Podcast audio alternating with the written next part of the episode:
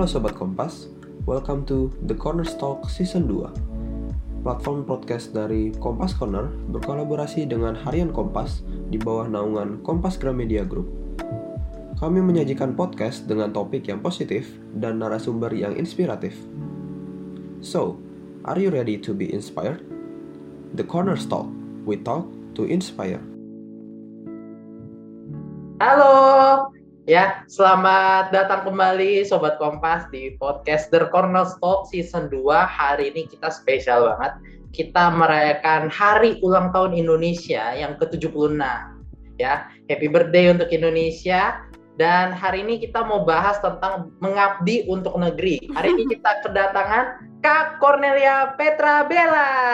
Yeay. Keren banget nih. Halo, thanks for having me.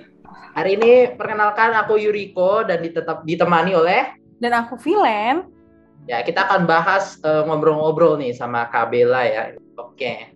Sebelum kita semakin jauh nih Kak Bella, kayaknya seru nih kalau misalnya kita mengulik sedikit background dari Kak Bella sendiri. Nah, jadi sebenarnya Kak Bella ini kan nama panjang itu Cornelia Petra Bella, tapi bisa diakrab sama Kak Bella gitu ya. Nah, ini Hmm. merupakan seorang diplomat Kementerian Luar Negeri dan penerjemah bersertifikat. Nah, kira-kira tugasnya apa aja sih Kak? Boleh ini diceritain dikit, kira-kira udah berapa tahun sih Kakak berpengalaman eh, se- sebagai profesional gitu? Eh, untuk diplomat, aku sejak 2018, eh, 2018 aku ujian, 2019 mulai di Kemlu.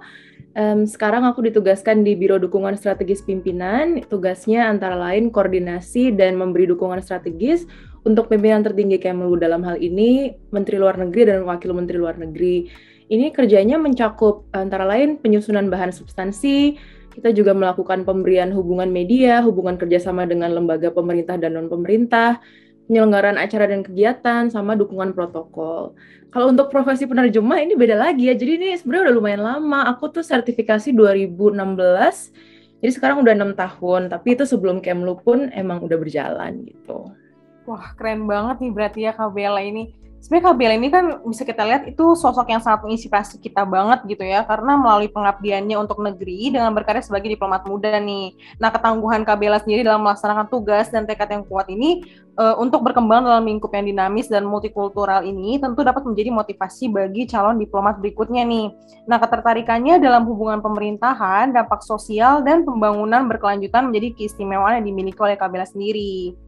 Oke, nah tadi kan eh, aku udah sempat sebutin ya, maksudnya udah sempat mention kalau kita mau bahas mengabdi untuk negeri nih, karena spesial Hari Ulang Tahun eh, Republik Indonesia. Nah, sebenarnya pengabdian untuk negeri itu eh, dapat melalui berbagai cara, salah satunya adalah melalui diplomasi. Nah, anak muda termasuk kita tuh eh, yang generasi milenial nih dapat berperan sebagai diplomat yang berada di ujung terdepan penerapan kebijakan luar negeri Republik Indonesia dengan hadirnya diplomat muda yang mengabdi untuk negeri dapat memberi inspirasi untuk kita semua untuk terus berkontribusi melalui diplomasi. Oke, eh, aku sebenarnya pengen tahu deh, apa sih arti diplomasi bagi Kak Bella sendiri? Um, well, kalau textbook definitionnya diplomasi itu lebih ke proses interaksi dan pengelolaan hubungan dengan negara lain berdasarkan prinsip kebijakan luar negeri dan kepentingan nasional. Itu kalau baca-baca di buku kuliah, anak-anak HI gitu, biasanya kayak gitu tulisannya. Tapi kalau buat saya pribadi, karena sebenarnya background pendidikan bukan bukan HI, bukan politik, bukan jurusan-jurusan tradisional yang kemudian jadi diplomat, yang paling eh, aku keinget itu waktu aku sekolah diplomat di Kemlu, ada dubes pembina aku namanya Bu, Ar- Bu eh, Arto dan beliau bilang diplomasi itu sebenarnya pada dasarnya banget adalah seni berteman aja gitu. Cuma kalau di kampus mungkin kita berteman sama teman-teman sekelas, kalau diplomasi ya berteman sama negara-negara tetangga dan negara-negara sahabat gitu. Wah, keren banget berarti kalau kita bisa berteman sama negara-negara tetangga gitu ya, Kak. Tapi ini menarik, berarti sebelumnya eh, nggak pernah, maksudnya bukan sekolah hukum atau HI gitu ya? Nah, aku Karena aku- jurusannya satu sastra Inggris dulu. Wah, Seriusan? Iya. keren banget. Ber- ber- Abis itu ngambil sekolah diplomat lagi ya? Jadi nanti kalau habis, um, jadi diplomat itu sebenarnya semua adalah PNS. Jadi ujiannya sama nih sama ujian CPNS yang setiap tahun ada itu. Nanti setelah masuk dikirim sekolah lagi di sekolah Kemlu itu ada pendidikan berjenjang dan nanti setelah selesai setelah lolos ujian ada sekolah selama 6 sampai 9 bulan. Nah, itu sekolah diplomatnya. Jadi untuk anak-anak yang bukan jurusan-jurusan tradisional Kemlu kayak aku gitu, yaitu di situ saatnya catch up untuk belajar materi-materi yang dulu nggak belajar pas di kampus. Wow, Oh, menarik nih. Tapi aku mau tanya mungkin ini agak out of the topic ya, maksudnya agak beda. Cuman eh, kalau misalnya kita karena aku sama Vilen ya jujur aja kita kurang paham nih tentang diplomat gitu-gitu. Sama aku juga dulu nggak paham. nah, cuman eh, mungkin gini, eh, aku pengen nanyanya kalau dulu tuh kayak pelajaran yang mungkin kita tentang politik tuh pasti PPKN. Nah, Iya, apakah- betul. Apakah Kak Bella ini sebenarnya nilai PPKN-nya bagus, terus masuk mau masuk diplomat atau gimana? Enggak jadi, aku tuh nggak pernah kepikiran jadi PNS. Sekarang pun kalau ditanya kerjanya apa, terus aku bilang PNS, pasti orang pada kayak masa gitu kan. Eh, dulu pas aku pulang ke Indonesia setelah selesai S2, kan sebenarnya masih bingung gitu mau kerja apa.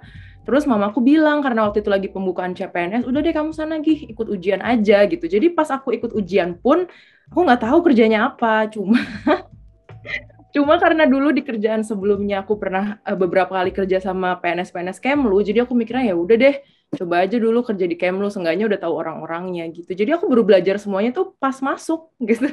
Dan nilai PPKN aku kayaknya biasa aja. Dulu yang bagus nilaiku nilai bahasa Inggris, makanya jurusannya jurusan bahasa Inggris. iya ya. Oke, ini menarik banget sih. Iya, menarik banget sih. Tapi eh, Kak Bella ini sekarang sebagai diplomat ya pasti udah terbukti lah ini eh, mengabdi sama negeri banget. Nah, kita nih sebagai anak muda mungkin banyak yang belum tahu gitu. Eh, mungkin eh, bisa dikasih apa ya, kayak kasih wejangan gitu. Sebenarnya peran kita tuh bisa apa nih untuk mengabdi negeri? Gitu. Apa kita harus jadi diplomat juga atau gimana? Sebenarnya kalau kontribusi untuk negara, dulu pas aku masih kuliah, masih S1, itu tuh nggak buat aku tuh konsep kontribusi kepada negara tuh ngawang banget gitu. Karena dulu aku tipenya yang suka main, suka nggak masuk kelas gitu kan. Jadi kalau dibilang kontribusi buat negara tuh aku kayak ngapain sih hidup gue aja udah susah gitu. Ngapain mikirin negara jauh-jauh banget gitu, skopnya terlalu besar. Dan waktu itu tuh kayak udah berasa, berusaha survive dari satu kelas ke kelas berikutnya, ke semester berikutnya udah susah payah gitu kan.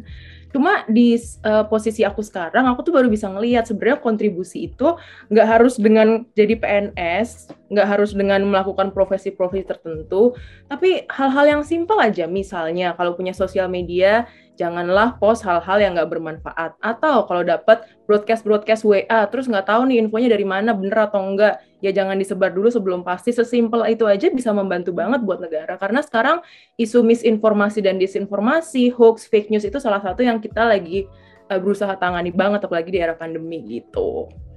Wow. Ya betul sih. Banyak banget apa berita-berita yang mungkin menakutkan kita ternyata nggak benar kan? Iya. Hmm, terus mending kalau cuma takut, terus kalau bikin orang jadi salah langkah atau Iya. percaya berita-berita yang nggak sesuai fakta dan data gitu malah jadi susah kitanya. Menjerumuskan berarti ya kak kitanya kalau misalnya info yang nggak bener. Iya sih. Benar-benar benar. Hmm. Oke oke. Eh, dari cerita kakak nih, aku tuh pengen tahu deh kira-kira tantangan terbesar apa sih yang Kak Bella hadapi dan bagaimana kira-kira jalan keluarnya nih kak?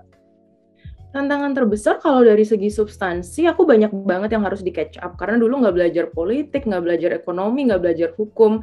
Dan Kemlu itu cakupannya luas banget. Misalnya kita ngomong eh, kementerian atau lembaga lain, Kementerian Perhutanan ngurusin hutan, kesehatan ngurusin kesehatan, keuangan ngurusin uang. Sementara kalau Kementerian Luar Negeri itu topiknya bener-bener semuanya, mulai dari hak asasi manusia kita ngurus, isu sawit kita ngurus, ekonomi, pengadaan vaksin kita ngurus. Jadi benar-benar kalau ditugaskan ya udah harus langsung belajar lagi semuanya. Dan itu mungkin kalau anak-anak yang kuliahnya yang lebih jurusan-jurusan tradisional kayak tuh kayak HI atau politik atau ekonomi udah ada basicnya. Sementara buat aku tantangan substansi itu harus dikejar banget. Kalau dari em, kalau dari segi karakter dulu dulu sebelum jadi PNS aku tuh suka kayak aduh gimana sih pemerintah kerjanya gini aduh gimana sih suka marah-marah gitu kan seperti netizen pada umumnya cuma sekarang setelah aku jadi bagian dari pemerintah dari pengambilan keputusan di sini tuh aku lihat bahwa kalau jadi pemerintah itu harus siap salah. Apa pun keputusan yang kita ambil pasti ada orang yang nggak seneng dan ada yang protes. Tapi uh, balik lagi sebenarnya semua keputusan itu udah dihitung uh, baik buruknya berdasarkan data yang ada saat itu. Jadi misalnya kita ambil keputusan hari ini, terus kemudian dua atau tiga minggu lagi terbukti ada data baru, ya kita nggak tahu karena kan kita bukan peramal juga gitu. Cuma kepentingan kita adalah ya yang terbaik buat negara, yang terbaik buat masyarakat juga karena kita pun mau ya masyarakatnya maju negaranya juga maju gitu yang penting siap salah aja sih kalau dimarahin ya ya udah gitu maaf nanti kita usaha lebih baik lagi gitu. Itu termasuk tantangan terbesar ya berarti ya. Tapi selain dari mungkin ilmu tentang Kementerian Luar Negeri kak atau uh, yang dengan macam-macamnya ada hal baru yang kak Bella pelajari nggak selama bekerja menjadi seorang diplomat?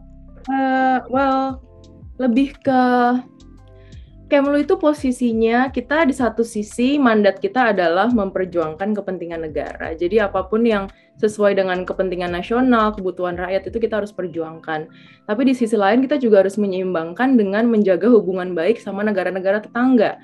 Ini contohnya kita mau tutup perbatasan karena lagi ada pandemi. Karena kepentingan kita ya kita nggak mau kalau misalnya ada orang-orang uh, yang mungkin berpergian di luar negeri terus terinfeksi di sana virusnya masuk. Itu kan kepentingan kita. Tapi di sisi lain kita juga nggak bisa bilang eh kamu dari negara itu nggak boleh masuk. Nanti negara itu kesel dong. Jadi maksud lo gue yang bawa virus kan gitu. Jadi kita harus pinter-pinternya aja sih gimana caranya menjalin hubungan supaya kepentingan nasional kita terpenuhi tapi di saat yang sama juga nggak bikin marah negara lain gitu. Oh, itu terus gimana tuh supaya nggak bikin marah tuh uh, kita selalu ada hubungan diplomatik. Jadi kita selalu harus engage uh, perwakilan Kemlu dari negara negara-negara tersebut dengan hal dalam hal ini uh, berarti diplomat-diplomat yang ditempatkan di Jakarta. Biasanya kita saling berkirim surat dan selain itu kan kita juga sering ada uh, saling kunjung baik pada tingkat menteri ataupun tingkat kepala negara. Di situ ya hubungan baiknya ini terjalin. Jadi sama kayak kalau kita di kelas temenan sama teman-teman yang deket yang sering ngobrol, sering main, sering tuker-tukeran hadiah, kalau ada Slack ya lebih gampang untuk nyelesainnya sementara sama temen yang nggak deket-deket banget ya itu harus lebih usaha, harus PDKT dulu gitu. Iya sih memang agak-agak ribet ya kalau misalnya belum kenal tapi kita harus kenal lebih jauh itu iya, benar-benar harus bertahap. Kadang-kadang sebenarnya nggak deket, jarang ketemu juga kalau dalam hal negara ini misalnya negara-negara yang posisinya jauh dari kita secara geografis ya. Tapi hmm. kita nggak pernah tahu kapan kita butuh teman kita atau kapan kita butuh seseorang kan. Jadi ya, ya itulah harus pinter-pinter. Oke. Okay. Ini balik lagi ke konsep kayak gimana kita temenan biasa. Padahal pertemanan negara loh ya bener-bener iya, bener, gede banget iya bener gede banget cakupannya ya kak benar oke okay. uh, eh, dari banyaknya tugas nih yang kakak pegang atau kakak tekuni itu menurut kakak tuh tugas seperti apa sih yang bisa dirasa memberikan dampak yang paling signifikan bagi negara kita gitu kak Uh, kalau untuk dampak paling signifikan, sebenarnya kita selalu ada prioritas-prioritas uh, kebijakan luar negeri. Nah, ini karena sekarang lagi masa pandemi, kita ada refocusing prioritas diplomasi. Yang pertama, pelindungan warga negara Indonesia, baik di dalam maupun di luar negeri. Lalu kita juga mendukung upaya mengatasi pandemi, baik dari aspek kesehatan maupun aspek sosial ekonomi. Dan kita juga menguatkan kontribusi bagi perdamaian dan stabilitas dunia. Kalau yang kalau dibilang paling signifikan atau nggak paling signifikan sebenarnya kan nggak bisa head to head karena itu ketiga-tiganya penting. Kita harus melindungi warga harus mengadakan vaksin dan memulihkan ekonomi juga harus kontribusi untuk perdamaian dan stabilitas. Tapi yang paling sering diomongin sekarang pasti vaksin tuh ya karena ya, lagi ramai di mana-mana kan. Um, jadi sebenarnya kita dari awal pandemi itu kita udah ngelobi ke mana-mana untuk memenuhi kebutuhan nasional supaya kita bisa mencapai herd immunity atau kekebalan kawanan. Nah, itu untuk mencapai kekebalan kawanan itu kita butuh 70% populasi kita divaksinasi atau sekitar 181 juta orang. Nah, 181 juta orang itu butuh eh, uh, 360 juta dosis vaksin karena kan asumsinya per orang dua kali divaksin. Udah pada vaksin belum? Aku udah sih Kak, dua kali. ya, jadi kita butuh 363 juta lah asumsinya. Hmm. Nah, sekarang per 6 Agustus kita udah berhasil mendapatkan 180 juta atau 50 persen ada vaksin yang udah ada sekarang di dalam negeri ada Sinovac, Sinopharm, Moderna, sama AstraZeneca. Oh. Um, selain itu untuk ekonomi karena kita juga harus memikirkan gimana caranya memulihkan ekonomi kan kemarin lockdown bukan lockdown sih PSBB lumayan lama banyak bisnis yang terdampak masyarakat terdampak Jadi kita juga sudah melakukan lobby-lobby dengan beberapa negara untuk mendukung pemulihan ekonomi ini, antara lain dengan membentuk travel corridor arrangement. Jadi kita masih bisa travel untuk uh, kebutuhan bisnis dan kebutuhan dinas. Misalnya ada usaha atau ada diplomat-diplomat yang butuh berkunjung, itu kita bisa dengan beberapa negara-negara. Kita juga ada perluasan akses pasar dan integrasi ekonomi kawasan. Ini membuat perjanjian-perjanjian supaya pergerakan barang, pergerakan orang lebih mudah di kala pandemi uh, kita juga memfasilitasi realisasi investasi negara-negara. Itu susah banget kalimatnya, tapi intinya kalau ada negara yang mau investasi ke Indonesia, terus mereka udah mulai lihat-lihat sambil mikir-mikir, hmm mending di Indonesia apa di tetangganya. Nah itu kita pakai sistem jemput bola, ngebantuin biar mereka lebih milih untuk investasi di sini. Dan kalau ada investasi di sini, ada uang yang masuk, ada pabrik yang dibuka, itu juga bisa membantu masyarakat kita untuk memperoleh lapangan kerja gitu. Banyak sih, nanti kalau ada yang mau dibahas lagi, pilih aja mau yang mana cuma ya intinya itulah vaksin dan ekonomi yang kita paling banyak uh, urus saat ini mungkin itu oh. lebih ke urgentnya sekarang ya kayak ya? mm-hmm. oke okay. nah uh, aku mau tanya sebenarnya uh, balik lagi sih kayak kan diplomat ini di ada bidang lainnya dong ya kan seperti sektor swasta atau organisasi non profit cuman untuk Kabela sendiri nih uh, kenapa lebih milih Kementerian Luar Negeri. Jadi sebenarnya fungsi-fungsi diplomasi itu emang bisa dilakukan oleh berbagai profesi.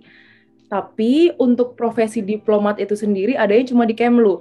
Uh, ilustrasinya gini, kalau mau menyebarkan ilmu, mau mengajar, bisa ngajar di mana aja. Kamu bisa jadi penulis, bisa ngajar. Bisa jadi uh, jurnalis bisa ngajar juga kan karena menyebarkan ilmu. Tapi kalau kamu bilang profesi saya dosen, pasti pertanyaannya ngajar di universitas mana? Karena kalau nggak ngajar di universitas ya namanya bukan dosen gitu kan. Nah itu sama uh, tugas-tugas diplomasi itu bisa dilakukan oleh berbagai profesi, tapi yang namanya profesi diplomat cuma di Kemlu gitu. Oh, oke okay, hmm. oke. Okay. Aku pun baru tahu setelah masuk Kemlu. Kita malah baru tahu ya Riko dari Kak Bella iya. sendiri. Betul betul. Nah, uh, aku tuh sebenarnya pengen mengulik dikit sih kak. Jadi kan tahun lalu di bulan Februari itu kan uh, sebenarnya ada sebuah artikel gitu di kompas.id tentang cerita diplomat yang melalui tiga era pemerintahan gitu kak. Nah menurut kak Bella sendiri ini apakah karir diplomat itu tuh panjang dan bagaimana sih tahapan-tahapannya boleh ceritain dikit nih kak? Eh, kalau ditanya panjang sebenarnya bisa dari lulus S1 sampai pensiun. Hmm. Bisa sepanjang itu. Uh, kan untuk ujian CPNS Kemlu itu ya syaratnya minimal S1 tuh. Jadi lulus S1 ikut tes, misalnya lulus nih. Terus nanti ikut pendidikan pertama namanya sekolah sekolah dinas luar negeri. Itu selama 6 sampai 9 bulan tergantung kalian dapet tahun yang mana. Terus uh, diplomat tuh kayak tentara, kayak polisi gitu, ada tingkatan-tingkatannya. Kalau baru masuk tuh selesai sek dulu namanya uh, jenjangnya atase. Dari atase naik ke sekretaris 3 terus ke sekretaris 2. Nah, di antara sekretaris sekretaris dari antara sekretaris 3 sekretaris 2 itu harus ikut pendidikan lagi. Namanya sekolah staf uh, sekolah staf sekolah staf dinas Kementerian Luar Negeri atau kita bilangnya SES dulu.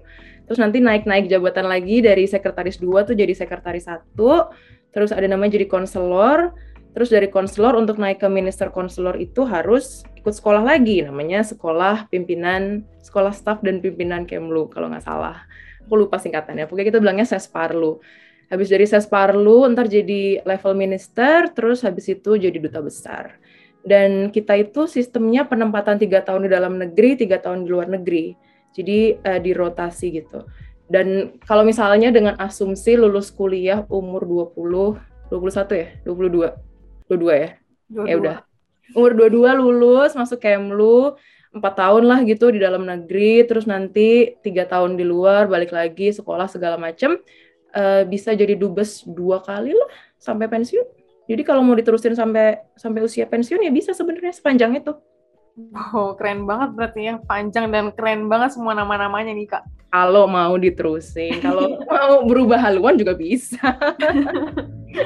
Tapi banyak banget ya sekolahnya ya. Iya, ya, harus sekolah tiga kali kayak SD, SMP, SMA gitu ya. Oh, kurang lebih wow. tahapan.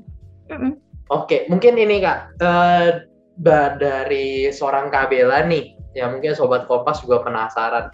Uh, sosok yang paling menginspirasi Kabela nih untuk berkarya melalui diplomasi itu siapa? Karena pas masuk nggak bahkan aku pas masuk tuh nggak tahu diplomat tuh kerjanya apa.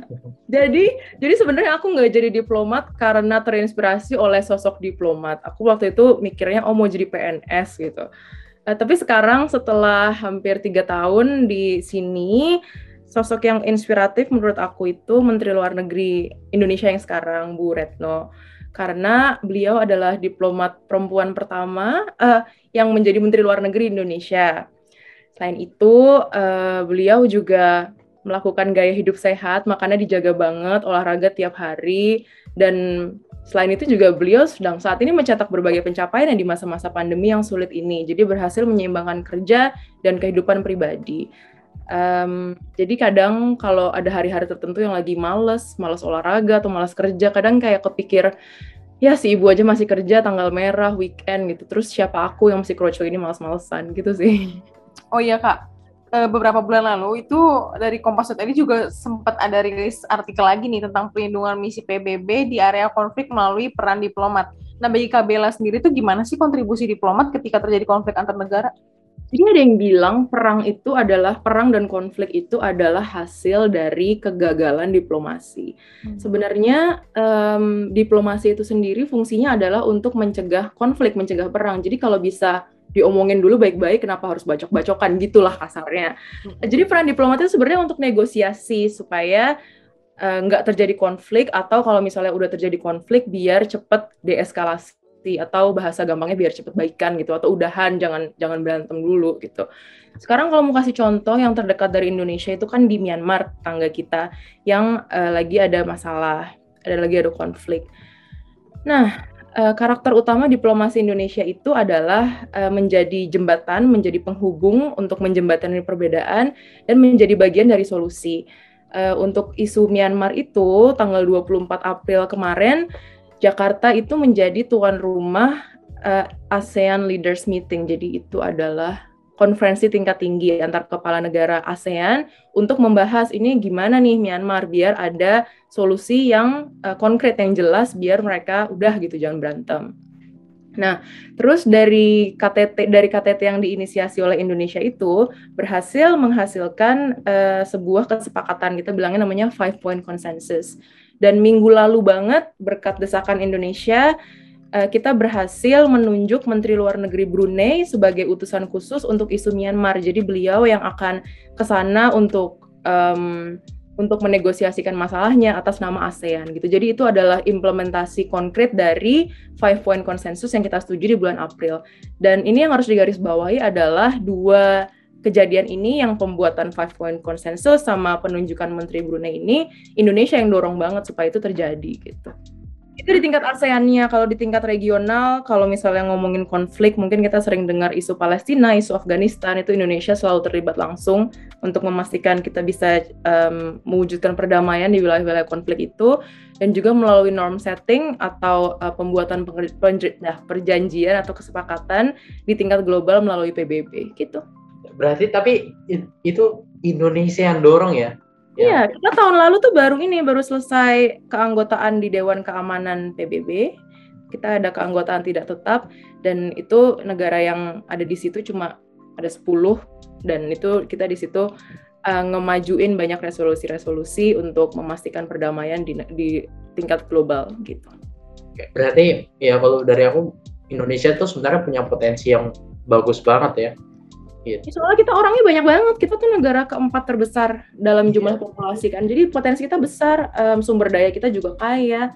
Sebenarnya tinggal dikelola aja dengan lebih baik. Nah, ini menurut uh, tentang pengelolaan nih, mungkin sobat Kompas uh, yang lagi mendengarkan ada yang mau jadi diplomat mungkin ya. Nah, untuk Kak Bella sendiri ad, ada gak pesan-pesan untuk mereka yang memang udah menetapkan hati gitu, aku mau jadi diplomat gitu apa ya selain belajar. Ya pokoknya satu belajar. Karena pertama-tama halangan kalian tuh kayak rintangan kalian tuh adalah tuh tes CPNS yang setiap tahun itu.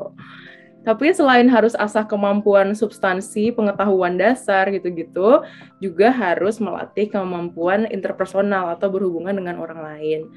Karena aku tuh sampai sekarang kadang masih bingung gitu loh. Kalau karena diplomat itu kan identik dengan kerjaan yang serius gitu. Sementara sebagai pelajar sebagai mahasiswa dulu aku tuh bukan tipe yang serius banget gitu. Bener-bener kuliah pulang kuliah pulang. Jadi bukan bukan yang suka ikut-ikut konferensi bukan yang suka ikut organisasi kemahasiswaan gitu. Dan ini sekarang tuh bertolak belakang banget dengan aku yang dulu asik. Um, aku beberapa kali dapat DM juga ada yang bilang kak aku mau kerja jadi diplomat tapi aku nggak mau kerja yang politik banget. Terus kayak tenang tenang karena Kemlu itu banyak urusannya. Kalau nggak suka yang politik banget bisa ada kerja di bagian ada kayak PR-nya gitu namanya informasi dan media yang ngurusin sosial media ngurusin podcast kita ngurusin campaign-campaign. Atau kalau kayak aku yang sebenarnya anaknya nggak terlalu substansi nggak terlalu suka yang mikir keras bisa kerjain bagian diplomasi publik yang bikin-bikin event yang ke kampus-kampus aku secara pribadi aku suka ada satu unit namanya perlindungan warga negara. Itu yang ngurusin mahasiswa atau pekerja-pekerja Indonesia yang di luar negeri yang bermasalah gitu. Jadi nggak usah takut kerjanya mikir banget. Yang penting kalian asal kemampuan aja. Kalau mungkin misalnya oke okay, substansi nggak kuat-kuat banget, mungkin pengetahuan ekonomi dan politik lemah gitu. Ya udah, berarti tingkatkan kemampuan yang lain, mungkin kemampuan komunikasi atau kemampuan-kemampuan lain karena balik lagi Kemlu itu tugasnya banyak dan semua orang ada perannya masing-masing gitu. Pokoknya kalau misalnya mau jadi diplomat tuh kan selalu ngecek tuh tiap tahun CPNS bukannya untuk jurusan apa. Kita selain dari jurusan-jurusan paling banyak emang selalu HI, hukum politik, tapi ada juga jurusan sastra, sastra Inggris, Jerman, Cina segala macam, ada jurusan komunikasi. Nah, itu ya kita butuh nge-hire lulusan-lulusan itu karena emang skillnya dibutuhkan gitu untuk diplomasi Indonesia. Oke, okay, berarti nggak terbatas yang politik-politik banget ya. Mm -hmm. Oke, okay, Mika, mungkin uh, the last kali ya. Aku pengen tahu nih kira-kira apa sih harapan Kak Bella untuk negara dan rakyat Indonesia kita ini biar semakin uh, mau bekerja keras lah biar makin maju gitu. Kalau untuk negara sebenarnya sih harapanku semoga cepat bisa keluar dari pandemi dan ekonominya pulih. Uh, ini sebenarnya nggak cuma negara juga tapi buat dunia secara keseluruhan karena uh, untuk pandemi kali ini kan tingkat global jadi nobody is safe until everyone is safe. Kalaupun satu negara berhasil keluar, kalau tetangga-tetangganya masih ada virusnya ya pasti akan kena terus-terusan gitu. Kalau untuk rakyat, waduh, sebenarnya ini sih lebih ke kontribusi yang tadi aku bilang kontribusi itu bisa mulai dari diri sendiri. Nggak usah mikir yang gede-gede aku harus apa buat negara. Kalau buat aku yang paling ngefek banget sama kerjaanku sekarang jangan nyebar info-info yang nggak tahu asalnya dari mana um, karena ini tuh terjadi. Selama ini aku kayak ngomong ya jangan nyebar info jangan nyebar info. Ternyata nanti keluarga sendiri juga kayak gitu. Jadi kayak capek banget nih ngasih tahu orang gitu. Jadi kalau ada yang dengerin ini please bantuin kita pemerintah sebarkan info yang bertanggung jawab dan berdasarkan pada fakta. Itu tuh ngebantu banget. Terus um, ya pokoknya kalau mau ambil keputusan harus berdasarkan data dan fakta yang terbukti dengan ilmu pengetahuan gitu Terus jadi orang kalau misalnya mau kontribusi syukur, tapi kalau nggak mau kontribusi ya at least jangan memperburuk situasi dengan perbanyak menahan diri gitu. Oke, iya betul banget itu. Apalagi ya, sosial media sekarang banyak banget ya. Iya, aduh Bisa informasi di mana saja. Hmm. Ini, ini balik lagi ke tadi kita sempat ngomongin jadi pemerintah tuh harus siap salah. Contoh media nih atau informasi. Kalau dibiarin aja nggak diregulasi nanti segala macam informasi bohong beredar. Tapi kalau kita batasi nanti dibilang waduh melanggar hak asasi manusia melanggar hak berekspresi dan menyatakan pendapat. Salah lagi ya gitu. Jadi udah harus siap aja. Iya. pasti apa pun yang diambil ada salahnya gitu. Ya bingung ya. Aku juga bingung, bingung sama mereka nanya kita, kita nanya siapa coba ya? Benar, itu dia. Kalau dulu kan salahin pemerintah, tapi kalau dalam pemerintah kayak mau salahin siapa ya udah salahin diri sendiri lah gitu. Aduh. Iya. Kasian banget berarti nih. Oke, itu tadi uh, mungkin uh, perbincangan kita sama Kabela spesial banget karena kita lagi ngerayain ulang tahun Republik Indonesia sekali lagi. Thank you Kabela, ya thank you juga sobat Kompas yang sudah mendengarkan. Mungkin uh, Kabela boleh di-share uh, sosial media mungkin sobat Kompas yang mau tahu nih uh, mau nanya-nanya tentang diplomat gitu. Boleh banget Instagram aku @cpetrabella uh, gimana ya ngejanya Charlie Papa Eko Tenggo Romeo Alpha Bravo Eko Double London Alpha. Oke. Okay. Uh, atau LinkedIn Cornelia Petrabella. Oke, itu ya Sobat Kompas boleh langsung cek aja yang mungkin mau jadi diplomat ya. Oke, Wih. segitu aja podcast dari kami spesial banget eh, ulang tahun Republik Indonesia. Kami ucapkan sampai jumpa. Sampai jumpa semuanya. Thank you juga Kak Bella. Thank you. Itu dia episode kali ini. Supaya nggak ketinggalan info terkini seputar Kompas Corner, kalian juga bisa follow Instagram dan Twitter kami di @kompascorner serta subscribe juga channel YouTube kami di Kompas Corner. Buat kamu yang nggak mau ketinggalan berita terkini yang berkualitas, temukan kami juga di muda.kompas.id. Thank you for listening to our podcast, The Corner Talk. We talk to inspire.